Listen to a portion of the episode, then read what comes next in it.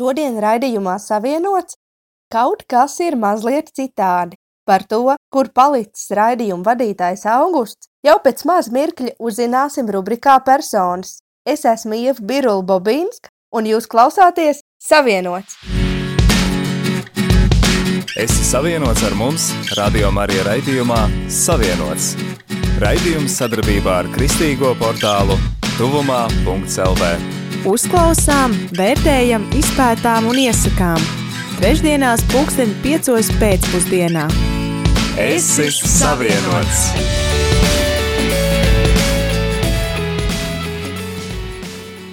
Rubrika Personas. Ar tevi raidījums Savienots.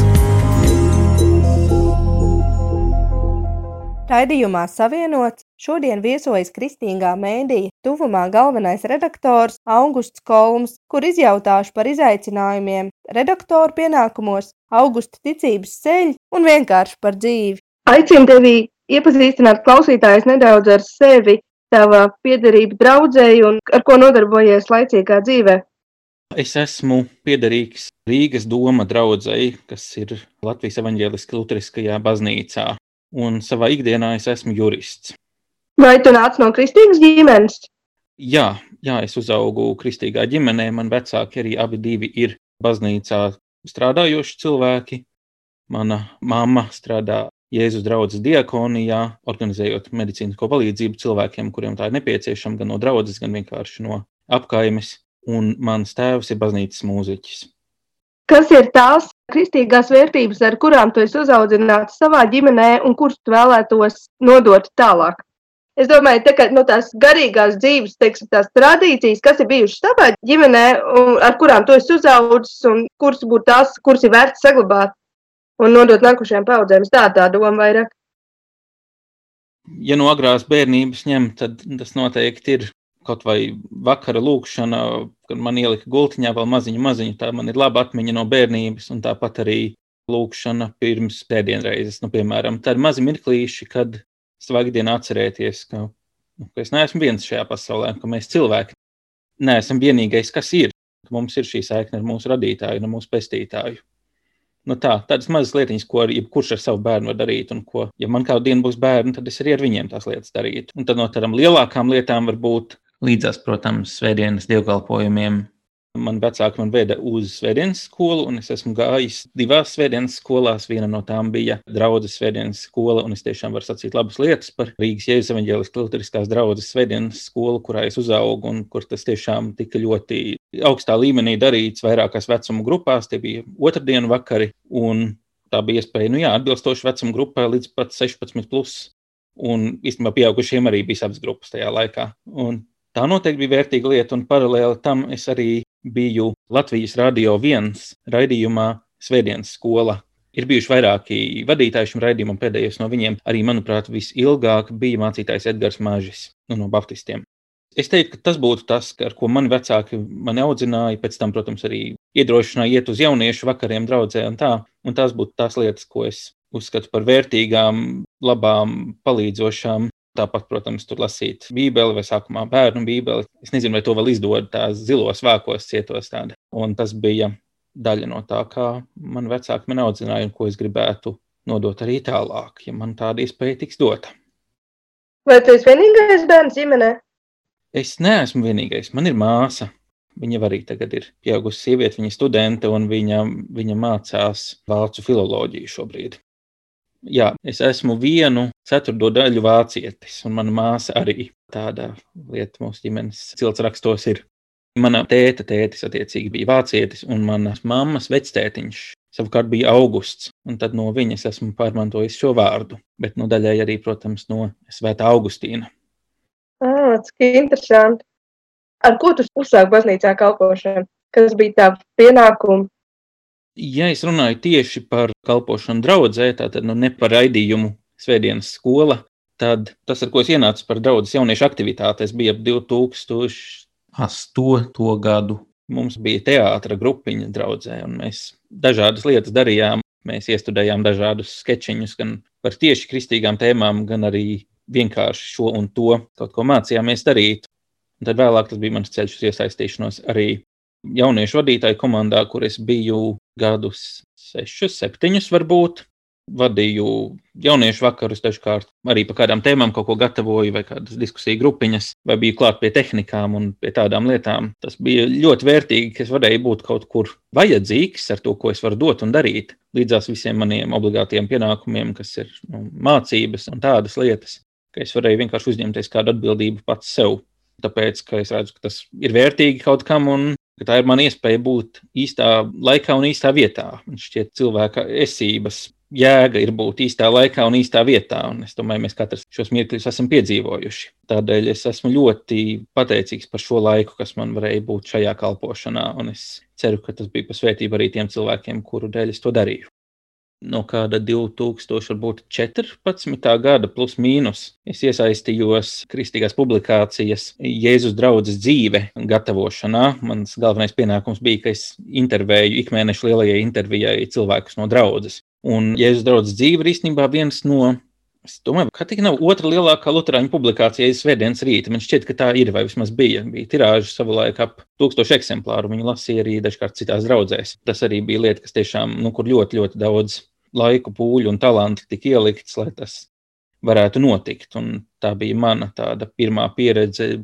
žurnālistikā. Ļoti dažādus cilvēkus var satikt, dažkārt intervēt viņus pa vienam vai pa vairākiem, pēc tam taisīt norakstu, izgriezt ārā nevajadzīgo, sakārtot teikumus tā, lai ir uzticīgi tam, kas tika runāts, bet vienlaikus arī piemērots lasīšanai. Vai tev atliek laika arī kādiem vaļaspriekiem? Atkarīgs no tā, kā mēs saprotam vaļaspriekus nu, kaut kas ārpus kalpošanas un ārpus laicīgā darba. Mājas saimniecības lietas tad atliek tikai, un tas ir nu, kaut kādā ziņā tā ir dzīves nepieciešamība, bet kaut kādā ziņā tas arī ir mazliet hobijs. Nu, es biju vienmēr domājis par sevi kā par mūžīgo Rīgas pilsētnieku, un mans varbūt ideālais dzīvoklis būtu bijis kaut kāds studijas tipu dzīvoklītis Mierielā, piemēram. Bet kungs bija vēlējies citādi, viņa ceļi ir neizdibināmi, un tādēļ tagad es dzīvoju mājā ar dārzu, un tas prasa ļoti daudz laika to visu ienest kārtību tajā, varbūt tajā visā, kas ir pārmantots no, no iepriekšējā saimnieka. Tādēļ tas ir iespēja izpausties. Un, kad visi steidzamie pienākumi ir izdarīti, tad es vienmēr varu pievērsties tām lietām, lai kaut nedaudz, nedaudz tuvinātu to no tam, kā es gribētu, ka tas izskatās. Nu, tad ir lietas, kur ir jāpiesaista profesionāļi, kas palīdz tās darīt, un tad ir lietas, ko es varu vienkārši arī, arī pats darīt, krāmēt, organizēt, rakt, cirst un tā tālāk lai tas kaut kam līdzinātos. Un tad, kad es to daru, es paralēli varu uzlikt arī, piemēram, kaut ko izglītojošu klausīties. Mans tāds šī gada atklājums ir podkāsts Bībele vienā gadā. Tas ir angļu valodā un to vada amerikāņu katoļu priesteris Maiks Šmits. Un tad viņš nu, tādās 20-30 minūšu epizodēs iziet cauri visai Bībelē, vis, visā gada laikā. Nu, un es katru dienu man nesanāk ieslēgt paklausīties, bet tad atkal nedēļas nogalē, kad ir vairāk laika kaut ko, kaut ko darīt, tad es varu fonā uzlikt to, un tā var kādreiz ļoti daudz ko izdarīt. Un vienlaikus arī uzzināt, klausoties. Tas ir viena lieta, ko man, nu, ko man patīk darīt. Bet, protams, es, es nevaru teikt, ka man vienīgie hobiji ir tikai klausīties par Bībeli un, un uh, kopt māju un dārzu. Es neesmu tik apzinīgs cilvēks, un man patīk arī kādreiz kādu seriālu paskatīties, vai kādu video spēli, vai kādu grāmatu palasīt, vai kā, bet tas noteikti nav. Tur droši vien nesaukt gluži par vaļasprieku. Vaļasprieks man šķiet kaut kas aktīvāks, kaut kas tāds. Man tāda šī gada apņemšanās ir, ka es vispār gribu vairāk izkustēties no mājām, vairāk tur ar draugiem kādus pārgājienus organizēt vai ko tādu. Jo tagad šajā laikā, kad visi esam diezgan ieslodzīti savos mājokļos, tad šādas iespējas pabūt ārā kaut kur, tās uzreiz liekas daudz pievilcīgākas. Kad to nav, tad mēs manām, cik ļoti tomēr tā pietrūkst. Jā, es tev pilnībā piekrītu to, ka šobrīd iespējams tas, ko tu minēji par māju ar dārzu, šajos apstākļos, kad mēs esam tik ļoti ierobežoti, Man šķiet, ka ikvienam pilsētniekam, teiksim, tāda māja, dārza, tā ir tāda kaut kāda, nezinu, sapņu oāze vai sapņu vieta, kur šobrīd atrasties. Tā kā jānovērtē tas, kur mēs esam, un arī šajā kontekstā par šo laiku, pandēmijas laiku, kurā mēs pašlaik atrodamies. Vēlējos jautāt, vai šajā pandēmijas laikā ir arī kaut kas labs noticis. Apkārt ir tik daudz, tik daudz visādu negāciju un grūtsirdības, Kas ir varbūt tās pozitīvās vai kaut kādas tādas patīkamās izmaiņas ar tevā dzīvē šajā pandēmijas laikā? Jā, tā kā mana laicīgā darba vieta ir Rīgā, bet es dzīvoju pie Rīgā, tad, man, tad es ļoti novērtēju to, ka ir šī iespēja strādāt arī attālināti no mājām. un cilvēks ir kopumā sabiedriska būtne, bet es pie sevis manu to, ka es ļoti arī ilgus laikus labprāt esmu vienatnē vai tādā attālinātā klātbūtnē, kas ir nu, ieslēgt ekrānu un pēc tam to atkal izslēgt. Tādēļ es novērtēju to, ka man ir vairāk laika būt ar sevi, gan ar māju un visu, ko darīt, gan arī vienkārši. Ka šī iziešana sabiedrībā tad ir drīzāk izvēles jautājums. Aiziet uz baznīcu, jo es gribu iet uz baznīcu. Nevis, nu, es esmu spiests piecreiz nedēļā braukt uz Rīgu un pēc tam atpakaļ, jo, lūk, man ir darbs man tur ir jābūt vienalga, vai es tajā dienā gribu vai negribu iet ārā. Tādēļ es noteikti novērtēju šo iespēju pabūt prom no sabiedrības un pabūt arī vienatnē. Es ceru, ka kaut kādā mērā to mēs arī saglabāsim turpmāk. To pašu es noteikti attiecinu uz jaunu lietu, ko mēs esam sākuši Rīgas doma draudzē, kas ir Bībeles stundas otrdien vakaros.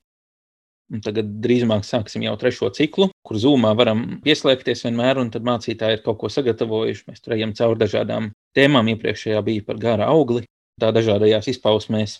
Un tā ir iespēja tad kaut ko uzzināt, kaut ko padiskutēt, padalīties kādām pieredzēm, pārdomām, jautājumiem. Un es to ļoti novērtēju. Un tā ir lieta, kas būtu bijusi neiedomājama vēl pirms nu, gada, pusotra, ka varētu no savām mājām cilvēki pieslēgties Bībeles stundai. Un pēc garas darba dienas, kad varbūt kājas vairs īsti nevelku iet kaut kur vēl baznīcā sēdēt, kur varbūt nav vienmēr silti, ērti un tā tālāk, un jau pēc darba īstenībā gribas paēst un iet gulēt tad šāda iespēja to tomēr no savas mājas vērtībām arī pieslēgties un būt klātesošam un to izbaudīt. Tas ir kaut kas jauks. Un, nu, es ceru, ka šis sociālais īstenās klātbūtnes elements atkal atgriezīsies gan mūsu ikdienas izklaidē, gan arī mūsu garīgajās aktivitātēs, mūsu baznīcas aktivitātēs līdzās dievkalpojumiem. Bet es ceru arī, ka saglabāsies šī iespēja šādā attālā veidā piedalīties Bībeles stundās, alfa kursos, jauniešu aktivitātēs un tā tālāk. Domāju, tā ir ļoti jauka iespēja. Un tādā ziņā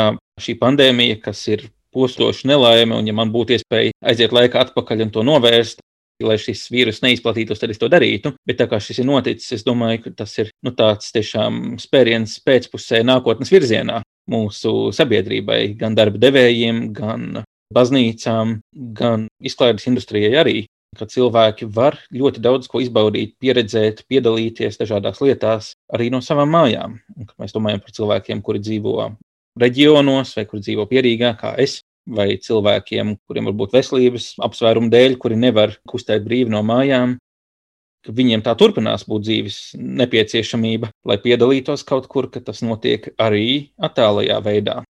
Labi, šīs būtu tās priekšrocības, ko tu minēji par attālinātajām aktivitātēm, kas šobrīd notiek baznīcās, bet vai tavuprāt šīm attālinātajām bībeles stundām, dievkalpojumiem un citiem pasākumiem, vai tiem ir arī kādi trūkumi, un vai tu pats apmeklē klātienē dievkalpojumus šobrīd pandēmijas laikā? Es apmeklēju dievkalpojumus klātienē. Man ir jāatzīst, ka es neesmu katru svētdienu baznīcā. Tas varētu būt, teiksim, es esmu mazliet retāk. Te ir kādi praktiski sadzīviski apsvērumi, Un arī, ja es kādreiz parādījos ceturtdienas dievkalpojumos, tad šajā laikā es to darījis neesmu. Vienkārši tādēļ, ka ceturtdienas pēcpusdienās man īsti nav iemesla būt Rīgā. Es domāju, ka dievkalpojums ilgtermiņā nevar būt neklātienē, jo šis kopības elements tajā ļoti nozīmīgs. Šī draudzes pulcēšanās klātienē, es domāju, tā vienmēr ir bijusi neatņemama daļa mūsu dievkalpošanas. Un ir lietas, ko mēs nevaram saņemt attālinātā veidā. Ja grēksūdz varbūt mums, un, un attiecīgi mums var pasludināt absolūciju attālā veidā, nu, ok, bet, nu, svēto vakarēdienu baudīt mēs nevaram attālā veidā, un tas ir jāņem vērā. Tādēļ es teiktu, ka dievkalpojumu nevar aizstāt pilnībā ar kaut ko attālu. Mums bija īsts periods pagājušo gadu, kad dievkalpojumi, kad dievkalpojumi notika attālā veidā, bet, nu, Es varu būt pateicīgs, ka viņš bija īss, jo ir vietas pasaulē, kur tas ar vienu turpinās tādā veidā, un es neuzskatu, ka tā ir pieņemama un atbilstoša alternatīva. Tas ir mans viedoklis par dievkalpošanu. Attiecībā uz pārējām aktivitātēm man patīk tas teiciens, ka perfektais ir labā ienaidnieks. Un, ja perfekts pasākums ir klātienē, bet beigās uz viņu aiziet mazāk cilvēku, tad labāk varbūt mums ir labs pasākums, kurš nav klātienē, bet kurā ir iespēja piedalīties lielākam skaitam cilvēku. Tādēļ es skatos uz to pozitīvi, ka ir lietas, kurām šī būšana klāt ir labs blakus efekts, bet dažkārt tas ir arī šķērslis. Nu, kā labs blakus efekts, es domāju, ka mēs varam būt kopā ar mūsu draugiem, brāļiem un māsām, ieskatīties viņiem acīs, parunāties par dzīvi. Mācītājs pirms kādas no šīm Zoom bībeles stundām arī izdarīja tādu novērojumu, ka, ja šis būtu klātienē, tad visi šie cilvēki, nu, kas gaida, ka tagad sāksies, ka būtu daudz vairāk tādas nu, čubināšanās un tādas runāšanas vienam ar otru. Un pirms viss ir sācies, tas ir normāli un tam tā arī būtu jābūt. Taču, kad cilvēki aprunājas mazliet saviem draugiem, ir šis sadraudzības elements, un to mums nevajadzētu pazaudēt. Tādēļ es ceru, ka būs pasākumi, kur ir iespēja baudīt šo sadraudzību klātienē, Ceru, ka arī tāda lieta kā Bībeles studija vai kaut kas tāds, ka tam ar vienu būtu iespēja notikt attālajā veidā, lai iespējami daudz cilvēku varētu pievienoties. To pašu varētu sacīt, piemēram, par alfa kursu, kur es esmu bijis grupiņas vadītāja, palīgs vecajā svētās ģetrūdas draudzē, kur man pazīstams cilvēks lūdza, aicināja pievienoties kādai no grupiņām, vienkārši nu, izmēģināt šādu kalpošanu. Un tagad Rīgas doma draudzē es esmu vadījis kādas nodarbības par kādām tēmām. Un alfa kursam es ļoti to redzu, kur cilvēkam ir grūti kādreiz gluži burtiski pārkāpt pāri baznīcas slieksnim. Un tādā ziņā šis slieksnis ir daudz, daudz zemāks, kad ir runa par pieslēgšanos zumā, jo nu, nav tādu saistību sajūtu. Un cilvēks domā, ka, nu, ja viņš sapratīs, ka viņš negribēs iet, ka viņam būs daudz vieglāk pazust. Un tad, ja nav šis spiediens, tad arī viegli ir aiziet pievienoties, un tad varbūt viņš sapratīs, ka nemaz negribas pazust no tā. Tā kā es atkal ieslīdēju pozitīvajā virzienā, es domāju, kopumā līdzās visam postam, ko šī pandēmija ir nodarījusi, es domāju, ka šī pārmaiņa ir tā zelta maliņa tam mākonītim vai kaut kā tā. Jā, jāpiekrīt tev, kā tu saki, ka nav ļaunuma bez labuma un, un otrādi.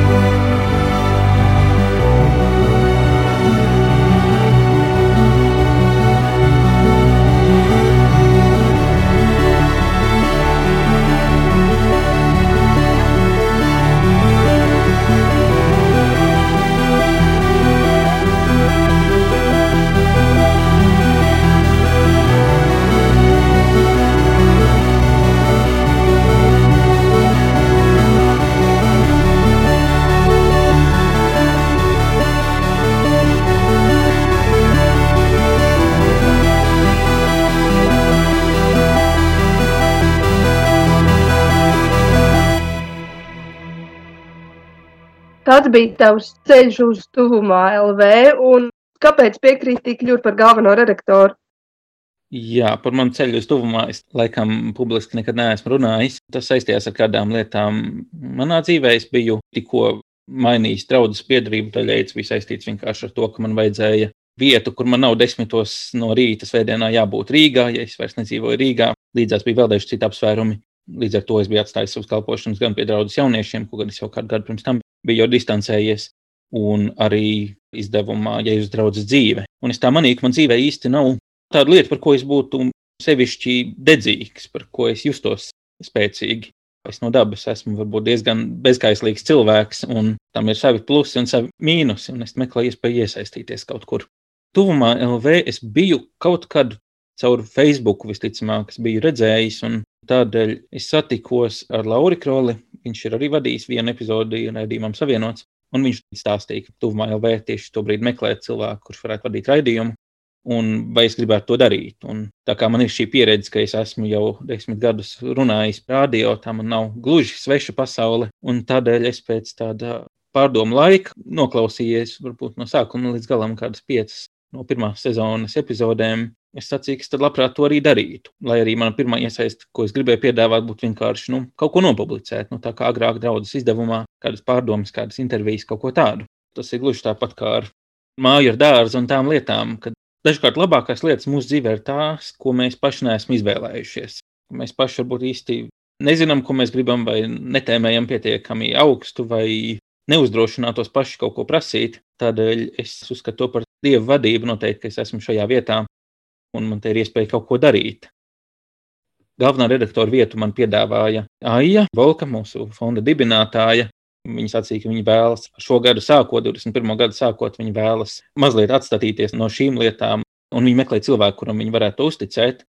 Un, kad uz tādu vispārīgu aicinājumu neviens nebija atsaucies, viņi uzrunāja tieši mani. Viņi sacīja, ka nu, viņi vēlētos, ka es šo lietu turpinu. Un es uzskatu par labu projektu, nu, par tiešām par labi iesāktu lietu, kaut kas vērtīgs, kaut kas unikāls. Un tādēļ es uzņēmos to darīt. Attiecīgi, šeit es esmu sūti mani. Nu tā, es domāju, lai Dievs dod, ka es daru godu aiz aizsāktajam projektam un ka es daru godu Dievam ar to, ko es šeit daru. Tas ir tieši tas, ko tu pirms tam minēji, kad uh, Dievs pakārto lietas tā, ka tu esi īstajā laikā un īstajā vietā. Jā, noteikti. Tas, es nebiju to varbūt tādā veidā sasaistījis, bet īstenībā tieši tas, tas ir. Jo mēs visi esam kaut kam radīti. Mēs esam radīti ar mērķi, un mēs neesam vienkārši gaļas gabals uz, uz akmens bloķu kosmosa vidū, kā to dažkārt materiālisti skaidro. Nu, mēs beigās nekas īsti neesam neironu sakopojums kosmosa vidū. Bet Es tiešām ticu, ka mēs esam radīti ar mērķi. Mēs esam radīti, lai mēs kaut kur būtu un kaut ko izdarītu. Un nu, ir lietas, ko mēs varam sacīt, kas attiecas uz visiem cilvēkiem. Nu, tur ļoti vispārīgā veidā, dievu bērnam un tādā veidā, bet arī, arī ļoti konkrētā veidā. Es domāju, ka ir lietas, kur mums ir jābūt. Un mēs, atskatoties savā dzīvē, es domāju, mēs varam apzināties tos mirkļus. Varbūt tās ir bijušas nelielas epizodes, bet mēs to pilnīgi esam tajā brīdī piedzīvojuši. Tas ir tas, kam mēs esam radīti, tas ir tas, kur man ir jābūt. Arī tad, ja kaut kas neizdodas perfekti, vai kādi sarežģījumi, vai kaut kas tāds, bet zināt, ka tā ir tā lieta, ko es gribu darīt, ko es varu darīt un kur man ir domāts būt. Kas ir tas grūtākais starpkonfesionālā kristīga mēdīja vadīšanā? Mums cilvēkiem dažkārt ir ļoti, ļoti spēcīgi viedokļi par kādām tēmām. Es domāju, tā sliktākā forma ir tam, ko mēs varbūt redzam kādreiz internetu komentāros, kad cilvēki nedomājot, nu, vienkārši saraksta ļoti virspusējus argumentus, kādus tur lamu vārdus un izgrūž no sevis kaut ko raupju, nepieslīpētu, nepārdomātu. Es ļoti gribētu, ka mēs, nu, ka mēs neieslīgstam tajā virzienā, un es domāju, tas izaicinājums ir atrast kaut ko tādu, par ko mēs visi varam vairāk vai mazāk vienoties. Un ar mēs visi, es domāju, es domāju kristiešus. Un kristieši manā skatījumā ir tie, kuri var pasakīt nīkais ticības apliecības vārdus un tos arī domāt. Es šeit iekļauju arī tos, kuri varbūt nezina nīkais apliecības tekstu, kuru draudzes dievkalpošanā tiek praktizēta apsolīticības apliecība. Vispār tas nav daļa no dievkalpošanas, bet kur var izlasīt šos vārdus un teikt, āmen, es tam ticu. Un tur nav baigi daudz iekšā, tur ir svarīgākās lietas. Un ja mēs par tām varam vienoties, tad, nu, tad tas ir sākums, uz kā kaut ko būvēt. Un es tādēļ negribētu, ka mēs kļūstam par platformu aktīvismam kaut kādos jautājumos, vienalga kādā virzienā tas būtu. Un arī tad, ja teiksim, publicējam varbūt pretrunīgus viedokļus, tad negribētos, ka viņi kļūst arvien skaļāki, kliedzošāki, zobaināki. Man šķiet, tas arī nav uz svētību. Tad. Tādēļ šis mans priekšlikums šim gadam bija tās tēmas, ko es izvirzīju, bija lietas, par ko visi ticīgie ļaudis, es domāju, vairāk vai mazāk varētu kaut kādā ziņā vienoties, kas neraisa šķelšanos starp konfesijām vai starp dažādām pieejām, interpretācijām, skatījumiem uz kaut kādām sociālām parādībām vai kā tam līdzīgi, kas nu ir dienas tēma, par ko tiek lausti šķēpi. Un būtu jau vienkārši sacīt, nu jā, mēs te vāksim klikšķus un mēs te tagad rakstīsim, tur, cik tur labi ir viena un slikti ir otra un tā tālāk. Un no mēdīņu stratēģijas viedokļa varbūt tas būtu tiešām pareizais solis, bet es nedomāju, ka tas ir tas, ko mēs smaicinām. Un es tādēļ gribētu pievērsties šīm trīs tēmām, kas ir atgriešanās stāsts, stāsts par to, kā cilvēki, kuri nav bijuši ticīgi, ir nākuši pie Kristus un pie kristīgās ticības, un tad ir par kristiešu izaicinājumiem pasaulē, par kristiešu vajāšanām, bet arī par vienkārši kādu pilsonisko brīvību ierobežošanu, ko mūsu ticības brāļi un māsas cieši pasaulē, un visbeidzot par, par kultūras jautājumiem. Un šeit var būt, jā, tas kādreiz var būt strīdīgi un provokatīvi, bet nu, tā lieta, ko mēs jau esam ilgāk arī darījuši, un kur mums ir kāda praksa iedibināta, kur, piemēram, par dziesmu svētkiem vai par kādu, par seriālu jaunais pāvests, piemēram, bija nu, dažādu autoru viedokļi. Un tad tādā civilizētā tonī runāt par tām tēmām un nekļūt par nu, nekļūt par vienu viedokļu paudējiem kaut kādos jautājumos, kas te ļaut mums tur ielikt. Nu, viņi tur ir liberāļi, viņi ir konservatīvie un tā tālāk. Es pēc iespējas cenšos noraidīt šādu vienkāršu dalījumu. Man šķiet, realitāte ir gana komplicēta un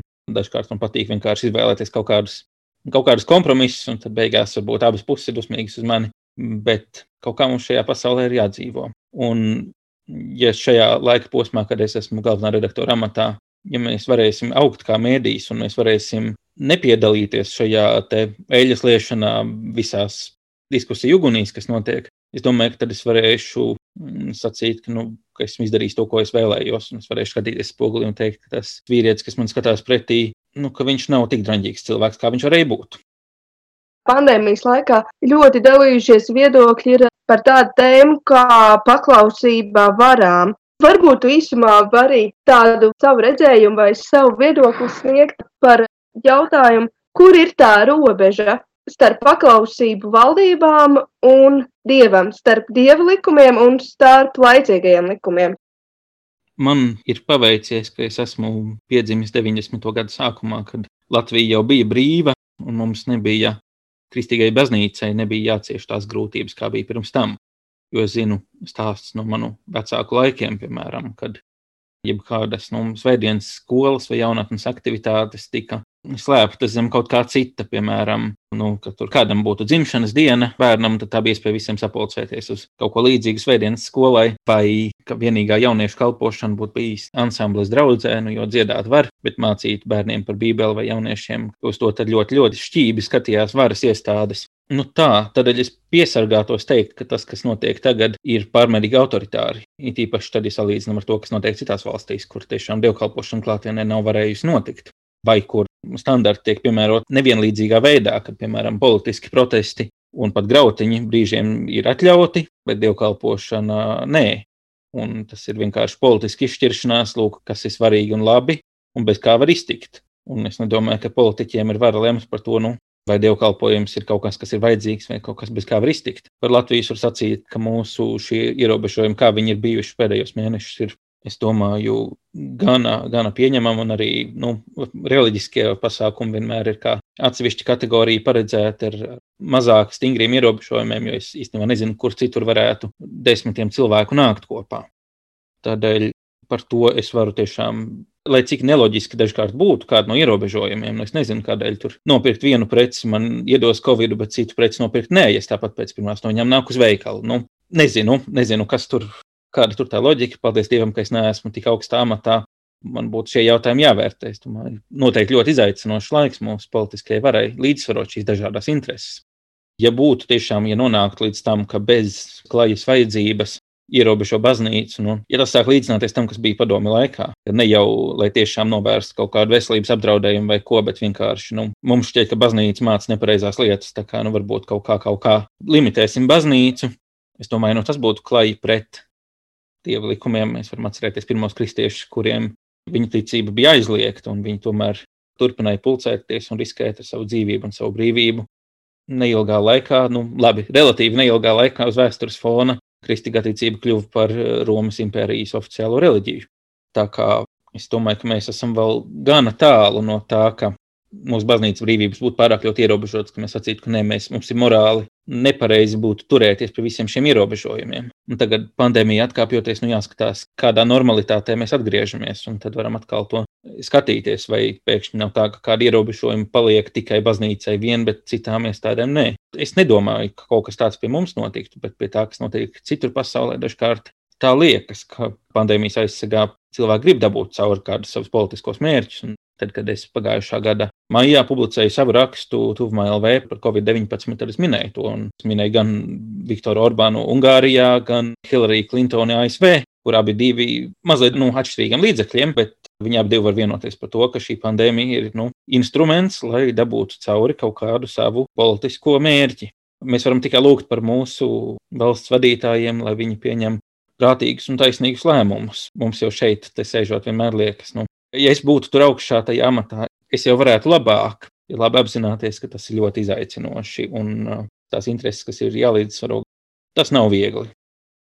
Jā, protams, ir tieši tā, kā tu saki, jā, kad salīdzinot ar to, kas notiek citās valstīs, tad pie mums mēs varam tiešām pateicībā slavēt Dievu, ka dievnām nav aizvērta un ka nekur nav aizliegts nākt klātienē, pieņemt svēto vakarēdienu klātienē, tuvojās lieldienas, būtībā, kas ir viena no nozīmīgākajiem kristiešu svētkiem, kad tomēr vairāk vai mazāk, bet tomēr būtu iespējas svinētos klātienē. Pašlaik mēs atrodamies Kristus tiešām laika, jeb gabeņa laika izskaņā, un tas jautājums, jeb aicinājums būtu tev, mūsu klausītājiem, izteikt kādu vēlējumu šajam laikam.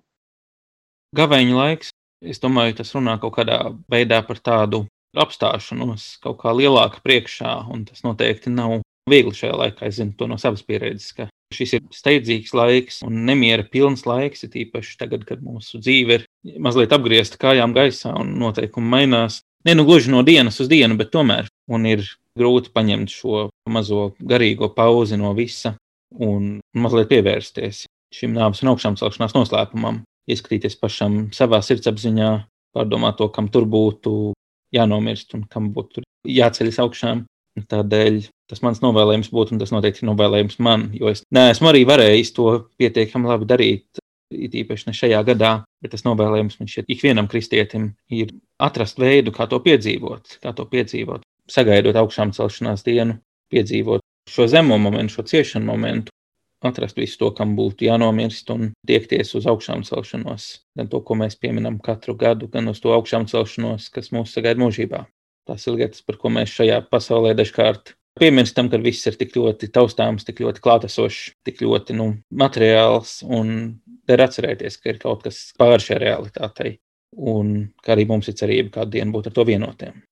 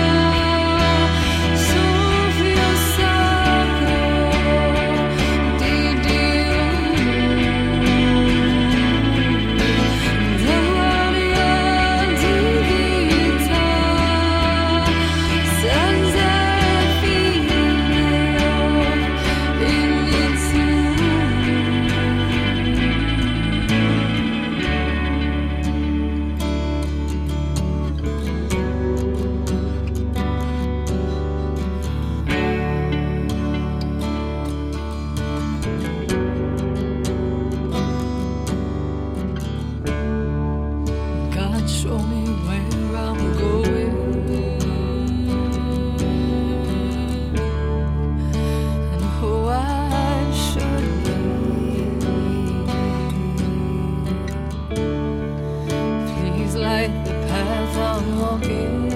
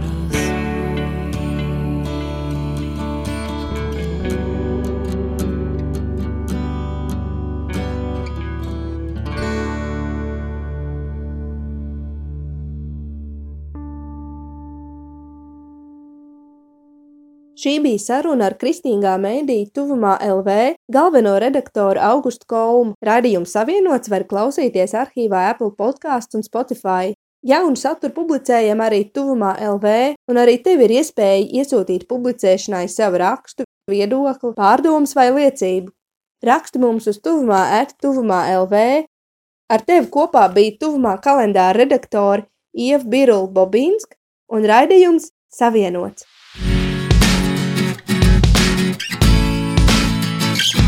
Tu klausījies raidījumu Savienots. Būsim atkal ēterā trešdien pulksten piecos pēcpusdienā. Klausies mūsu radio Marija un lasi kristīgo portālu tuvumā.lv. Es esmu savienots!